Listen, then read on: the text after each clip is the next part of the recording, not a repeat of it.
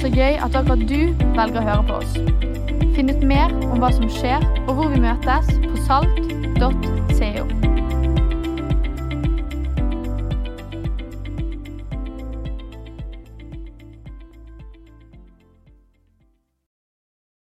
Fint å se dere alle sammen. Og fint med hjertet for kirken. Utrolig, Ole Magnus. Du, eh, altså, det er så gøy å høre på historiene deres, og Siri også. Um, dette her med hjertet for kirken det er jo et fokus vi har nå noen søndager. Uh, og En ting er jo hva som skjer her nå i denne gudstjenesten. Og så oppmuntrer vi jo folk til å ta med dette hjem, snakke med uh, den de bor sammen med, deler livet med, og, og høre med Herren. Hva ønsker du å si til oss? Og um, så er det jo mange som er med og deltar, som gjør at vi får disse årlige løftene som vi har. Eh, som er viktige for økonomien i kirken. Så setter pris på. Tusen takk for dere alle sammen eh, av dere som deltar i dette her. Eh, og vi kommer jo til å gi en anledning da neste søndag igjen også til å, å, å, å delta i det. Det med penger og kirke og sånn, det var en svenske som skulle telle opp kollekten i kirken. Og Så kom han bort til pastoren etter gudstjenesten og så var han veldig opprørt. da Han sa at ja, jeg var tvungen å makulere en masse hundrelapper. Jeg kan ikke forstå det. Folk gir falske hundrelapper i kirken. Det var falske hundrelapper. Jeg måtte makulere dem. Så sier ja, Pastoren han ble litt sånn lei seg. og sier, men hvordan, du, hvordan, kunne du vite at det var falske hundrelapper? da? Så, ja, men Det var jo åpenbart. Det var jo et null for mykket. Ja, ja, det var fin, det var fin, det var god. Takk for at du i hvert fall ga litt støtte til det. Ja da. Ikke bare bare. Denne uken så var det to nyhetssaker som festa seg i uh, hodet mitt. Det ene var uh, Jeff Bezos, grunnleggeren av Amazon, verdens tredje rikeste mann. Han ga rett og slett uh, eh, 100 millioner dollar til Dolly Parton. Uh, og grunnen til Det det var en sånn pris som de deler ut årlig. og grunnen til det var at Dolly Parton nok, hun gir en masse til da veldedige organisasjoner rundt omkring. Uh, og Jeg syns det er fantastisk. Tenk å være i stand til å gi bort litt, en, en milliard kroner. på en måte. Uh, kjempekult. Og vet du hva Dolly Parton hun kom opp og hun tok imot denne prisen, og så svarte hun følgende Jeg skal prøve på sånn sørstats-Dolly Parton-dialekt. ok? I've always tried to put my money where my heart is. Skulle tro hun hadde vært i kirken. tenker Jeg da. Jeg har alltid forsøkt å sette pengene der hvor hjertet mitt er. Det var Den ene saken. Den andre saken var i dagen Magne Solgård, som satt igjen med 134 millioner etter salg av familiebedriften, og som ville gi bort alt sammen til kristne organisasjoner. Eh, og jeg tenker, Gi meg den søknadsadressen, tenker jeg. liksom. Men han sier da følgende Det jeg har fått, det har jeg fått av Herren. Det vil jeg prøve å forvalte på en god måte. Og jeg tenker wow! Hvilket hjerte! Og så skal jeg innrømme da, at når jeg leser sånne ting som det her, så tenker jeg litt i mitt stille sinn det er bra det fins noen rike mennesker som kan gi bort veldig mye penger. tenker jeg i mitt stille sinn. Og så tenker jeg også noe i mitt stille sinn at liksom, jeg skulle jo ønske at jeg var i stand til å kunne gi bort en masse penger sånn som det der. Det må jo være en uh, utrolig bra følelse. Og så kan jo det virke far-fetched, men, men er det egentlig det? Er det sånn at den gode følelsen av å kunne gi bort, er den forbeholdt de rike folkene her i verden? Nå kommer vi nettopp ut av en eh, serie der vi har snakket om det å være disippel. Hva det vil si å være en disippel. Og vi har snakket om, uh, om det å bære frukt. Eh, og Det jeg skal snakke om her i dag, det er at givertjeneste er disippelskap. Vi er jo da inne i Hjertet for kirken-serien, og som Gina sa, Øystein forkynte om tiende og hellige gaver sist. Neste søndag handler det om det å være en ressurssterk kirke. Men i dag så skal jeg fokusere på hva skjer med oss, da? Som følger etter Jesus. Hva skaper det i våre liv? Det å ha en givertjeneste. Eh, og Vi følger jo Jesus i dette, og han, han snakker jo overraskende mye om disse tingene her. Nesten provoserende mye snakker Jesus om det som har med penger og forvaltning og hva det skaper i livene våre å gjøre. Og noe av det mest kjente det finner vi jo da i Bergprekenen. og Der finner vi også noe av utgangspunktet for at vi kaller det hjertet for kirken. For Der står det dere skal ikke samle skatter på jorden, hvor møll eller mark ødelegger, og hvor tyver bryter inn og stjeler. Men dere skal samle skatter i himmelen. Det er verken møll eller mark ødelegger, og tyver ikke bryter inn og stjeler. For der skatten din er, vil også hjertet ditt være. Og to vers etterpå. Ingen kan tjene to herrer. Han vil hate den ene og elske den andre, eller holde seg til den ene og forakte den andre. Dere kan ikke tjene både Gud og mammon. Klart, nå er det, jo, det er jo ingen av oss som vil vedkjenne seg at vi tjener mammon. Det er liksom ikke sånn ja, hei, jeg heter Sigurd, jeg tjener mammon. Ikke sant? Det er jo ingen som vil det. Ingen av oss som ønsker å være liksom materialistiske og selvsentrerte og egoistiske. Men samtidig så må jo i hvert fall jeg erkjenne det, at jeg står jo i det spennet hele tiden. Jeg står jo i det hver dag. Og jeg tar mer eller mindre egoistiske valg og materialistiske eh, valg. Og det er jo på mange måter som to krefter som drar i hver sin retning i livet. To sånne grunnleggende, motstridende krefter. Og jeg tror det er det Jesus snakker inn i når han sier det han sier. Det er lurt å ha, ha tatt en beslutning om hvilken liksom sånn grunnleggende kraft jeg tjener med livet mitt. Hva er det jeg ønsker skal være en drivkraft her inne? Og det er, folkens, et grunnleggende disippelvalg.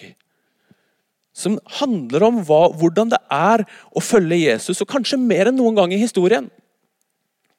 Og kanskje mer enn noe sted i verden så er det aktuelt for oss i dag i Norge, i vårt markedsliberalistiske og kanskje litt for forbrukerorienterte samfunn. Vi er dyppa, vi, i tanken om at hvis vi bare kjøper litt mer, eller skaffer oss litt mer, eller eier litt mer, så blir vi lykkelige. Vi er dyppa i det. Og vi, vi ser det kanskje ikke skikkelig sjøl engang. Og I Markus kapittel 10 og kapittel 12 så får Jesus sine disipler en sånn live demonstrasjon nesten, om hvordan dette her funker. I Markus kapittel 10 så er overskriften eh, 'Jesus og den rike unge mannen'. Eh, og Mange av dere kjenner fortellingen. Det er en ung kar som kommer til Jesus, som er rik, og han spør hva skal jeg gjøre for å arve evig liv. Og Jesus sier gjør det og det, og budene osv. Ja, men det holder jeg. Og så hva mangler jeg? Så sier Jesus ja, men gå og selg alt du eier, da. Og gi det til de fattige. Og så klarer ikke denne karen her det. Og det står at han gikk bedrøvet bort, for han eide mye. Klarte det ikke. Og som en kontrast til det, bare to kapitler etterpå, så kommer vi til fortellingen om den fattige enkens gave. Nesten bare som en, for Markus skaper den kontrasten, liksom. Og Der er fortellingen at Jesus sitter ved tempelet og så følger han med på hvor mye penger folk gir i kollekten. Bare det i seg sjøl er jo liksom en edrueliggjørende tanke. Sant? At Jesus sitter der og ser på det. Eh, og så, kommer det da mange folk som gir mye, mange rike mennesker som gir mye. Men så kommer det en fattig enke og så gir hun noen småmynter og så sier Jesus 'teaching moment', karer. Nå er det mange som har gitt veldig mye, men hun enken her hun har gitt mer enn de alle sammen. Fordi De andre de ga av sin overflod, men hun ga av alt hun eide. Og Kontrasten kunne ikke blitt tydeligere. Jeg tror folkens at gleden og velsignelsen som kommer ved det å gi, det er ikke forbeholdt rike folk. Eller folk som har mye penger. Det å ha en givertjeneste, det er en fantastisk ting. Så mange positive ringvirkninger i våre liv og ut ifra våre liv som en følge av det å ha en givertjeneste. Det er et velsigna liv. Og Tittelen min i dag er jo da 'Givertjeneste er disippelskap', men det kunne like gjerne vært 'et velsignet liv'. For det er det det er. Og jeg håper at i løpet av de neste minuttene at eh, jeg klarer å eh, vise deg litt hva er det det skaper i våre liv. da. Og Hovedteksten vår den har vi fra 1. Timoteus kapittel 6, vers 17. Og Paulus starter på denne måten. Forman dem som er rike i denne verden. Og Bare der kan det jo hende at de fleste logga seg av. ikke sant? For Man definerer seg jo ikke sjøl som rik nødvendigvis. Og Jeg skal komme tilbake til det litt seinere. Men jeg tror da at hadde Paulus skrevet brev liksom, til kloden i dag, uh, og, og, sett på de ulike stedene folk bor, og sett på hvordan vi har det her i Norge, så tror jeg definitivt at vi hadde kommet innafor den kategorien her. Forman dem som er rike i denne verden. Eh, så jeg oppmuntrer deg til å ikke lese deg ut av det, men å lese deg inn i det som han skriver. Forman dem som er rike i denne verden, at de ikke må være overmodige og ikke sette sitt håp til den usikre rikdommen, men til Gud. Han som gir oss rikelig av alt for at vi skal nyte det. De skal gjøre godt, være rike på gode gjerninger, være gavmilde og dele med andre. Og Slik samler de seg en skatt som blir en god grunnvoll for framtiden, så de kan vinne det virkelige livet. Givertjeneste er disippelskap. og Jeg har tre sånne hovedpoenger i dag. og Det første det er at når vi gir, så blir vi mer lik Gud. Da jeg var liten, så var jeg en samler. Jeg er jo da yngst av veldig mange søsken. Eh, og Mine eldre brødre de samla på frimerker, så jeg samla selvfølgelig på frimerker. Problemet var jo bare at de hadde tatt alle de gamle, bra frimerkene, så det var bare dårlige frimerker til meg. Samla på mynter også. Og så hadde jeg de søsknene som er rett over meg. De er jo da jenter, ikke sant? så de samla på sånne jenteting. Så jeg samla jo da på, på, glansbilder, selvfølgelig. Er det noen som husker glansbilder? Det var sånn man hadde før i tiden. Før man fikk liksom smarttelefoner, så hadde vi glansbilder. Noen flere som samla på glansbilder her inne? Ja, da, Se så mange som samla på glansbilder! Og jeg samla på glansbilder, ikke sant? Og så samla vi på sånne pins. Husker dere de? Sånn som man fikk sånn OL 94 og partier og sånne ting. Sånn en liten pins, det samla jeg på. Og så, og så samla jeg på Nå må du ikke le, da, men jeg samla på servietter. For det samla mine eldre søstre på. Det var liksom, det, altså Servietter var jo vanlig før i tiden, men det var ikke sånn som nå, hvor det var så veldig mange forskjellige servietter hele tiden. ikke sant? Så det var jo litt sånn, ja, Vi samla på servietter, da. Og Det er jo noe festlig ved det konseptet da, å samle på noe. ikke sant? For det handler jo egentlig bare om å gjøre sånn. Samle til bare for seg sjøl og det å ha flere av den tingen. liksom. Og, og, det kan jo gå for langt. Det kan jo liksom ta litt over. da. Så, så, så I gamle dager så hadde man også et uttrykk som heter havesyke. Har dere hørt om det? Havesyke det var faktisk et ord. Det går faktisk an å være så opptatt av å samle sånn som det der, og ha ting at man, det, det, blir nesten som en sånn sykdom da, som man har. Og, og, det er klart, det er jo liksom, Kanskje du kjenner noen sånne. og er, Ingen liker å være noen sånne. Vi jo, liker jo i hvert fall ikke tanken på at det bor en liten sånn en havesyk inni oss sjøl. Gjør vi det? En bekjent av meg han sier forenkla sett så, kan, så, finnes det to typer mennesker. Det er de som, som tar, og som gjør sånn. Og så er det de som gir, som gjør sånn. Og Det er jo veldig forenkla, men jeg tror det er noe sant i det. da. Og Det er jo ikke noe vanskelig å svare på hvem det er best å være med. er det det? Og Nå vet ikke jeg åssen oppfatning du har av Gud. Åssen erfaring og åssen bilde du har av Gud, men, men Skriften er jo klokka klokkeklar på at Gud er jo en giver. Han er en sånn som gir. Mange tenker jo mange har jo et gudsbilde av Gud som en som er liksom langt borte, fjern. Og, og, når man ber, så må man liksom øh, overbevise Gud veldig med mange ord og høy kraft og mase fordi at han egentlig ikke ønsker å gi oss det som vi ber om. Men vet du hva, det er feil. Det er ikke sånn Gud er. Jesus, bare Litt tidligere i bergprekenen så snakker Jesus om ja, men be, så skal dere få. Let, så skal dere finne. Bank på, så skal det lukkes opp for dere. For Gud er en sånn som gir. Han, han, når dere er mennesker Dere vil jo ikke engang gi deres unger en stein når de ber om et brød eller en orm når dere ber om en fisk. Når selv dere som er onde, vet å gi barna deres gode gaver. Hvor mye mer skal ikke deres far i himmelen gi gode gaver til de som ber Han? Det er jo sånn Gud er. Gud gir. Han gir ikke bare gaver, han gir ord, han gir oppmuntring, han gir kjærlighet, han gir fred, han gir styrke. Gud gir. Og Det mest kjente verset i Bibelen er jo at han ga sin egen sønn. Den eneste, for at verden skulle bli frelst med han. Forman dem som er rike i denne verden, at de ikke må være overmodige og ikke sette sitt håp til den usikre rikdommen, men til Gud. Han som gir oss rikelig av alt, for at vi skal lære det. Så Gud han er en som gir. Og Skriften lærer oss at du og jeg vi er skapt i hans bilde. Så du og jeg vi er skapt for å være givere, vi også. Og Når vi lar Gud prege oss mer og mer og følger etter Jesus og blir mer lik han, så blir vi mer til det bildet som Gud hadde tenkt at vi skulle være. folkens. Han, han ville at vi skulle ha den DNA-en med oss. og Du og jeg vi kan velge den drivkraften, den retningen, den veien i livet. Eller vi kan velge den andre veien. Av å sette oss sjøl i sentrum, av å være en som gjør sånn og samler og tar. Men det er jo en vei som smaker dårligere og dårligere. er det ikke det, for folk rundt oss? Guds vei smaker så mye bedre. Og vet du hva? Gud han er ikke bare en giver, men han har jo en agenda i verden i dag. Han ønsker jo at sitt rike skal vokse, at flere og flere mennesker skal få kjenne hans godhet, hans omsorg, hans kjærlighet, hans nåde. Og da trenger han mennesker som gir tjener og sprer hans DNA. Når vi gir, så blir vi mer lik han. Og vet du hva? Vi er en sånn kirke, vi. Som gir. Og Det handler ikke bare om pengene, men det handler om den livsholdningen. De verdiene som ligger bak. En av våre kjerneverdier er å være en gjestfri kirke. Ja, men Det er jo det samme. Vi ønsker å ha en raushet i møte med hverandre og i møte med folk. Det er jo det samme. Vi ønsker en sjenerøsitet. Elsker sånne historier. Ja, men jeg tar regningen for deg, eller jeg tar den for deg. Fantastisk. Det er en sånn kirke som vi ønsker å være.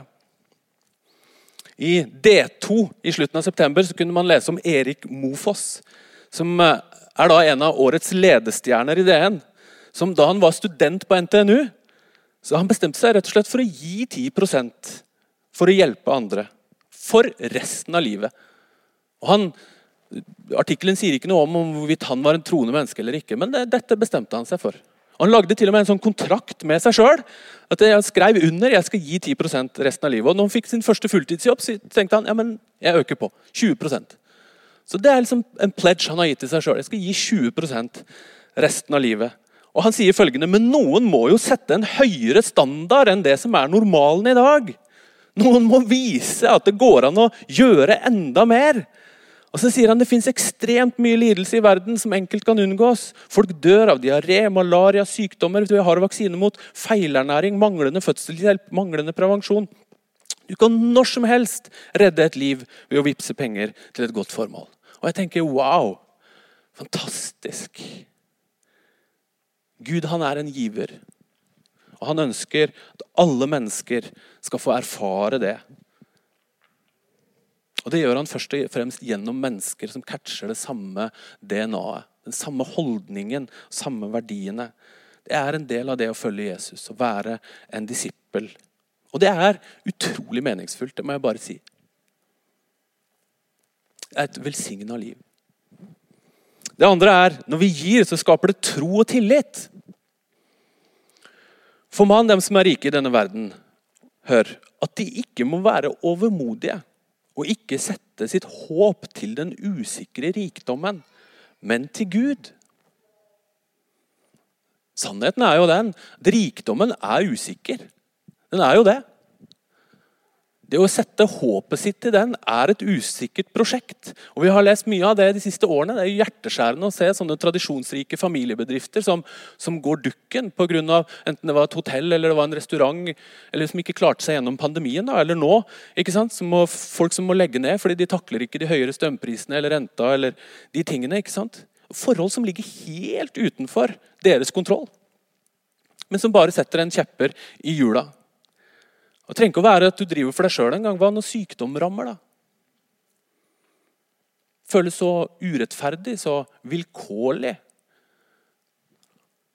De ringer meg jo stadig vekk fra, fra sånne forsikringsselskaper. ikke sant? De ringer sikkert dere også, fra ulike sånne forsikringsselskaper og vil selge inn forsikringer. Og nå i siste har de begynt å spørre om livsforsikring. Jeg vet ikke om det er fordi at jeg har bikka en viss alder. Men det er skikkelig oppmuntrende. ikke sant? Ja, Har du tenkt på hva som skjer med familien din hvis du dør, da? Så må jeg, ja, det var litt av en oppmuntrende samtale, du. Uh, så er det jo svindyrt. da, Du skulle bare visst hvor dyrt det er for pastorer å få livsforsikring. Så, det er liksom den høyeste prisen av alle. Men da jeg studerte på, på Handelshøyskolen, uh, så, så, hadde jeg deltidsjobb i hjemmesykepleien. Uh, og Mange som syntes at det var litt sånn rart, var den komboen, men det synes jeg faktisk var utrolig meningsfullt. En kjempefin kombinasjon. Uh, og jeg husker det En gang så kom jeg hjem til et veldig fasjonabelt hjem. og Du kunne liksom se det flotte huset, og alt var skikkelig pent. Og, og, og jeg kom inn der, og, og, du så på en måte på veggene at her var det en kar som hadde utretta mye i livet. Og så møter jeg da en kar som trenger hjelp til alt, ikke sant? og som ikke engang klarer å, å snakke og sette ord på eh, hva han trenger hjelp til. Men han trenger hjelp til alt. Og kona, skjønn liten sånn dame som snakker pent språk. ikke sant? Uh, hun virrer rundt samtidig mens jeg hjelper han med alt som han trenger hjelp med. Og, og hun forteller da om livet hans og alt han har utretta, og alle direktørstillingene han har hatt, og de selskapene han har jobba i. Og, og, hun hadde tydeligvis et sånt behov da, for å fortelle hvem han hadde vært. på en måte. Og det gjorde veldig inntrykk på meg. faktisk. Uh, så når jeg dro derfra, så, husker jeg jeg tenkte for meg sjøl at uh, er det sånn det er? Tenk om det blir sånn, da. I beste fall så har han hatt noen overskrifter i DN. liksom. Og Det henger kanskje et bilde av han på en vegg på et eller annet kontor. En av mange i rekka over direktører som var det han var. Rikdommen er et usikkert prosjekt. Det er ikke noe å sette sin lit til. Det er ikke noe å sette sitt håp til. Bankkontoen, aksjene, eiendommen, for den saks skyld. Det er et usikkert prosjekt. Men så gir jo Paulus oss oppskriften her. De skal gjøre godt, være rike på gode gjerninger, være gavmilde og dele med andre. Slik samler de seg en skatt som blir en god grunnvoll for framtiden. Så de kan vinne det virkelige livet. Det er jo det det vi gir. Det er jo det som skaper den virkelige, solide grunnvollen for framtiden. Det er jo faktisk ikke det du har du får med deg, det er det du har gitt som du får med deg når du er ferdig. Og sannheten er jo, Det handler ikke bare om hva som skjer når du er ferdig. Det skaper tro og tillit i livet vårt her i livet når vi gir. Hvor mye energi bruker ikke vi på å bekymre oss? liksom? for saker og ting. At vi ikke skal være nok og ikke skal ha råd til. Og Hvor mye frustrasjon bruker vi ikke over ting vi ikke har råd til? Som vi syns vi burde hatt råd til, eller som vi skulle ønske at vi hadde råd til. Jo, enormt! Og Det er jo det her Jesus adresserer når han fortsetter i bergprekenen. Så sier han dere kan ikke tjene både Gud og mammon. Derfor sier jeg dere, derfor sier jeg dere, vær ikke bekymret for livet, hva dere skal spise, hva dere drikker, heller ikke for kroppen, hva dere skal kle dere med. Er ikke livet mer enn maten? kroppen mer enn klærne. Og litt lenger ned, så gjør dere ikke bekymringer og si ikke hva skal vi spise eller hva skal vi drikke eller hva skal vi kle oss med. Alt dette er hedningene opptatt av. Men den far dere har i himmelen, vet jo at dere trenger alt dette. Søk først Guds rike og hans rettferdighet, så skal dere få alt det andre i tillegg. Og det er klart Når Jesus sier dette, søk først Guds rike, så er det som i, i tilhører skaren hans den dagen, så er det en sånn gjenklang av noe som vi finner gjennomgående gjennom Skriften og i Det gamle testamentet også. Dette prinsippet av det første. Bare hør på dette. 2. Mosebok 13. Alt førstefødt skal du hellige, til meg. Alt førstefødt hos israelittene, det som åpner morslivet, skal tilhøre meg, enten det er mennesker eller dyr. Litt seinere i andre Mosebok det beste av førstegrøden fra jorden din skal du bringe til Herren din Guds hus. Ordspråkerne tre gi Herren ære med det du eier, med førstegrøden av hele din avling. Hvorfor er dette så viktig for Gud? Dette med det, det første. Hvorfor er han så opptatt av det? Jo, han vil ikke at vi bare skal stole på oss sjøl. Og på hva vi klarer å skape og få til og bygge oss opp av verdier. og og vår egen evne til å skape oss lykke, for den er så skjør. Det er så sårbart. Den, og, og, vet du hva? Quite frankly, det, den, den, holder ikke hva den lover.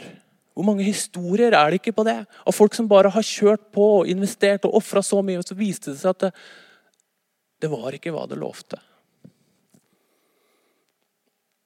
Gud vil at vi skal stole på Han.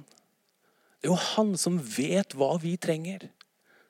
Det er jo han som har omsorg for oss, han som er vår far, han som er i stand til å forsørge oss om vi stoler på han. Men det krever jo litt, da. Det gjør jo det. Det lugger jo litt noen ganger å stole på at Gud på den måten der, liksom. Og skulle gi av det første. Men vet du hva, da er det ganske enkel. Gud han er litt enkel. Han, han ber ikke om alt, liksom. Han sier ikke at ja, men du må gi alt. Nei. Han sier, men han ber om det første. Og så lover han at ja, men da skal resten være nok. Vi i vår familie vi har valgt å gi tiende. Og Jeg husker når jeg tok den beslutningen, det var også under studietiden. Og, og Jeg jobba i hjemmesykepleien og jeg hadde eh, jobba en sommer og tjent 30 000. Og, og, og, så var det på en sånn eh, fredags ungdomsmøtekveld, og vi hadde hørt noe undervisning. og jeg bestemte meg ok, nå skal jeg begynne med det. Eh, så jeg gikk bort etter gudstjenesten i minibanken, som var borti Kargaten der. for de av dere som husker den. Og så tok jeg ut 3000 kroner. Og så gikk jeg tilbake, og jeg husker da, altså, mens jeg gikk langs Lille Lungegårdsvann tilbake igjen til Tabernakelet Bergen, der, det dunka skikkelig på innsiden her. For det var jo liksom et steg å ta, på en måte. Og så ga jeg de, og etter det så har det vært en praksis, og jeg er så glad for det. Med hånda på hjertet. Jeg er så glad for det. At det har vært en praksis. Men vi gir 10 og da er det de første 10 prosentene. Så det er ikke sikkert du har tro for å gi 10 kanskje gir du 5% men da la det være de første 5 Eller gir du 1% la det være den første 1% Og dette året her, med liksom økte kostnader og det strammer seg til på alle bauger og kanter, så har vi snakka om det i vår familie. At ja, vi ønsker ikke da det at det liksom at det er givertjenesten vår. at Hvis det er det siste, så er jo det det første du kutter òg, da. Ikke sant? Kanskje til og med før liksom, de andre tingene, å spare litt inn på matbudsjettet eller kutte ut noen abonnementer på Netflix og Spotify og alle de andre tingene som du bruker penger på. Kutte givertjenesten først. Nei, vi har bestemt nei, vi ønsker ikke at det skal være sånn. Vi ønsker ikke å gi mindre. Vi ønsker tvert imot å gi mer. Eh, så vi har, vi har rett og slett kutta ut avtalegiroen, vi, da. Nå er jeg litt ærlig med dere her. men, men rett og slett bare for at vi ønsker å styrke den praksisen i livet vårt, så sier vi at nå, nå, nå gir vi når pengene kommer på konto. Så vi får noen leieinntekter i begynnelsen av måneden. ok, da, samme dagen. Og så når fruen får lønn på sin dato, så samme dagen. Og når jeg får lønn på min dato, samme dagen. Jeg sier ikke at dere må gjøre det på samme måte, og jeg står ikke her og, og prøver å skryte av det, men jeg sier det for å illustrere det poenget av at det, la det være de første. Og jeg kan helt ærlig med hånda på hjertet si at, at Gud har gitt oss den ene velsignelsen etter den andre. Fordi at vi valgte å si at det var det første. De 90 de holder lenger enn før. Og jeg tror at dette enkle prinsippet her, folkens, det om å gi og det å gi det første, det er genialt fra Guds side. For å øve oss opp i å stole på Han. Helt genialt. Det er kanskje noe av det mest enkle, mest hverdagslige, mest praktiske og konkrete som fins. Men den åndelige gevinsten på innsiden er så mye større enn det du og jeg kan forstå. Ved det å sette Han først og stole på Han. Det er et velsigna liv. Så Når vi gir, så blir vi mer lik Gud. Når vi gir, så skaper det tro og tillit i våre liv. Og for det tredje, når vi gir, så motvirker det materialisme. Folkens, materialisme er en sykdom. Det er en gift. Og det er klart, Jesus kaller det mammon. Mammon var navnet de hadde på Jesus sin tid for guden for rikdom og formue og kjærligheten til penger og grådighet og sånne ting. NRK lagde en serie for noen år tilbake som het Mammon. Altså, mammon men det er jo kanskje ikke noe vi eh, forholder oss til på den måten i dag. Kanskje materialisme er et treffende begrep i vår samtid. Det er et godt begrep for det samme. Og du vet, materialisme, Problemet med materialisme er todelt. Det ene er at det blir aldri nok. Du blir aldri ferdig. Det blir aldri nok. Og Det andre problemet er at du ser det ikke sjøl. Og, og, og, Andy Stanley han sammenligner det med anoreksi. Og jeg synes faktisk det er en ganske god sammenligning. Fordi man, man, blir aldri tynn nok. Og så får man et forvrengt bilde over tid av seg sjøl og sin egen kropp. Og Det er det samme med materialismen og hva den gjør i våre liv. Man får et forvrengt bilde av realiteten. Når er man rik, da? Jeg vet ikke hva du ville svart på det. Når er man rik? Gallup gjorde en undersøkelse for en del år tilbake, og de spurte folk fra ulike liksom, sosioøkonomiske grupper da, hva de ville si hva, hva, det var å være lik. Og interessant nok, Alle hadde veldig forskjellige definisjoner, men alle var de helt enige om at de, de, de sjøl kom ikke inn i den kategorien. Sant? Ingen ville vedkjenne seg sjøl at de var rik. Eh, og I snitt så viste resultatene at eh, man tenker at rik betyr at man eier omtrent dobbelt så mye som en sjøl. utrolig interessant. Så har du 500 000, så tenker du at det å være rik er å ha en million. Har du fem millioner i hus og aksjer, og ditt og datt, så tenker du at det å være rik det er å ha ti millioner. Fantastisk uh, interessant uh, å tenke over. Anbefaler deg å følge Forbrukerfrue. Ole Magnus nevnte Kjersti Grønseth. Hun kaller seg Forbrukerfrue på, på, på Instagram og har en eh, podkast osv. 28 000 følgere. Gir forbrukerråd. Eh, I januar nå skrev hun sin første bok som heter 'Rikere enn du tror'. Uh, anbefaler å kjøpe den. I februar så gjorde hun et portrettintervju med Vårt Land uh, med følgende tittel 'Hun hjelper 28 000 følgere med økonomi'. Og Hun sier 'Når jeg setter Gud først, ser jeg hvor rik jeg er'. Og Hun ble spurt om hvordan hun ville definere det å være rik. Da. Så sier hun følgende 'Det å være rik er å forstå hva jeg har, og være takknemlig'. Alltid på de områdene hvor jeg tenker at jeg skulle hatt mer, eller tenker jeg skulle gjerne prikk, prikk, prikk, da tar jeg to skritt tilbake, stopper opp og spør hva er det jeg har? Og jeg tror hun har så rett. Og Paulus han sier det på følgende måte, nå har vi lest fra 1. Timoteus kapittel 6. Bare litt tidligere i kapittelet så sier han ja, gudsfrykt med nøysomhet er en stor vinning. For tomhendte kom vi inn i verden, og tomhendte må vi forlate den. oppmuntrende. Har vi mat og klær, skal vi nøye oss med det. Men de som vil bli rike, faller i fristelser og snarer og gripes av mange slags tåpelige og skadelige begjær som styrter mennesker ned i undergang og fortapelse. For kjærligheten til penger er roten til alt ondt. Drevet av den er mange ført vill, bort fra troen og har påført seg selv mange lidelser. Og Jeg tror ikke han kommer med en dommedagsprofeti her, jeg tror han kommer med ganske sånn med en deskriptiv beskrivelse. Men det er jo ganske drøyt òg, da. Det er jo ikke akkurat noe oppmuntrende å forkynne på en eh, søndag formiddag, men jeg tror det er viktig å si, folkens i en kultur som vår, i vår markedsliberalistiske og materialistiske kultur, så er det viktig å si dette, men å ta med seg da, hva er det som er motgiften her? Jo, gudsfrykt med nøysomhet, sier han. Jeg tror motgiften er nøysomhet og gavmildhet, som vi har pekt på så langt. Nøysomhet, hva er det for noe? Det betyr ikke at alt må være fattig og smått, og vi bare spiser poteter til middag og vi bare har lite hele tiden. Nei, det gjør ikke det. Nøysomhet kommer fra ordet fornøyd. Å nøye seg med. Å faktisk se hva en har, og nøye seg, være fornøyd med det. Det engelske uttrykket for nøysomhet er 'contentment'. Altså det å være tilfreds med det en har, og velge, da, uansett om man har mye eller lite, og så se på det og så sier man dette har Gud gitt meg å forvalte. Og det er godt, det her. Det skal jeg forvalte. Og jeg er fornøyd med det. En fantastisk befriende tanke å se og ha den holdningen istedenfor den stadig mer, stadig mer, må ha mer. Fantastisk befriende. Og vet du hva? Gavmildhet er en fantastisk motgift mot materialisme. Når vi ser Når jeg setter Gud først, så ser jeg hvor rik jeg er, sier Kjersti.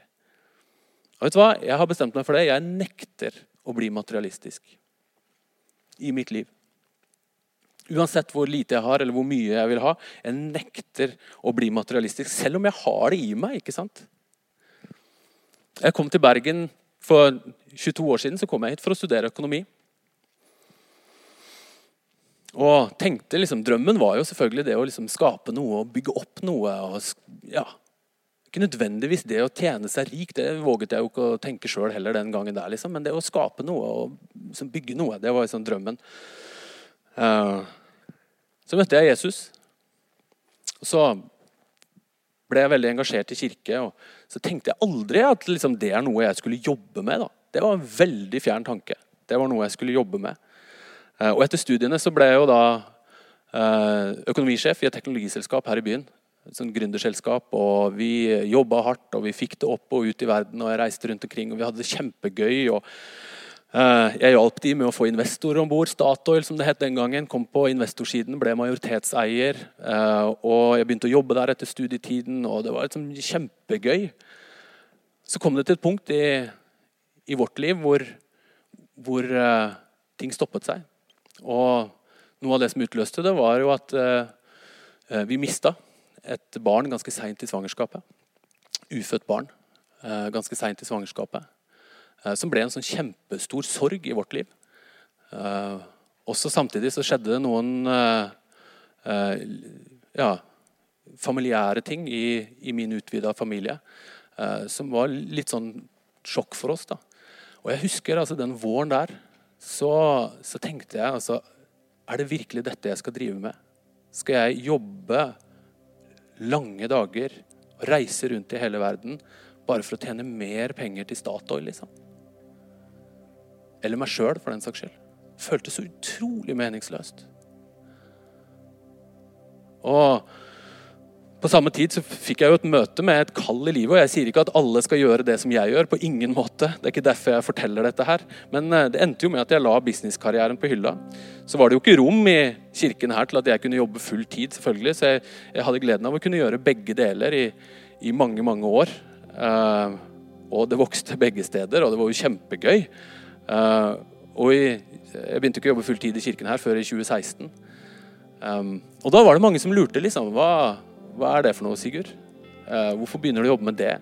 Altså, det, Lønnsnivået var det halve, og, og, det var ikke noe smart karrierevalg, for å si det sånn, men valget var jo tatt for lenge siden. Og jeg, jeg, jeg tenker jo da Hva er det verdt, da? Å jobbe med det som er lidenskapen, liksom? Hva er det verdt, da?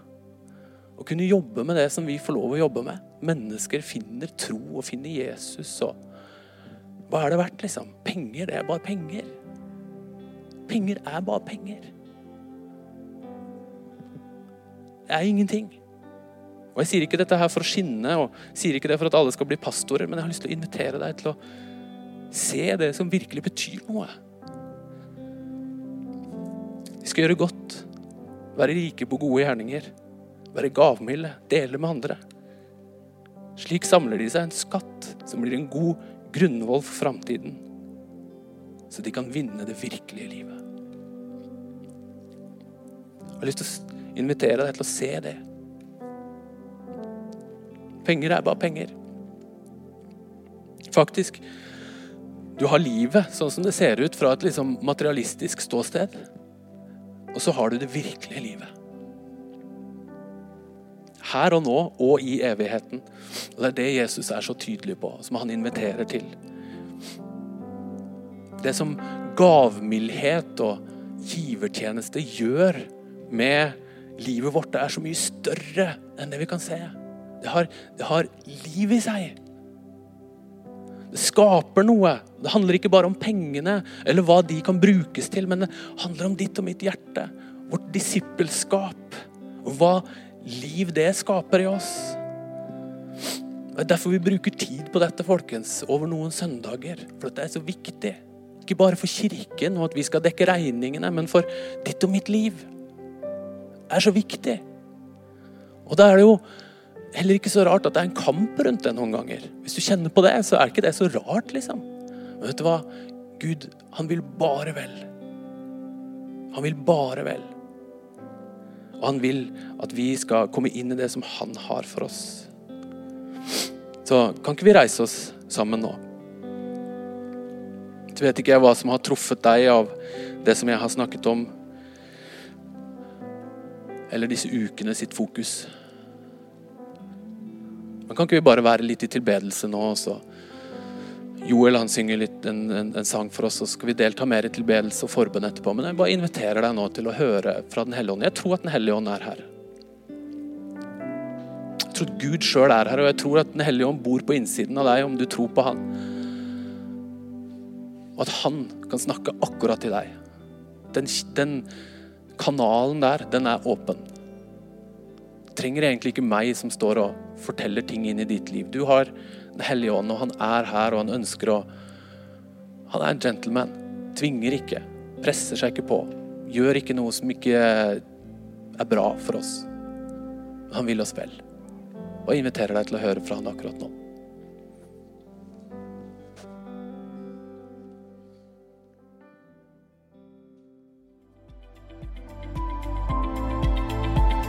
Takk for at du hørte på. Håper vi snakkes enten her eller i kirken neste søndag. Ha en nydelig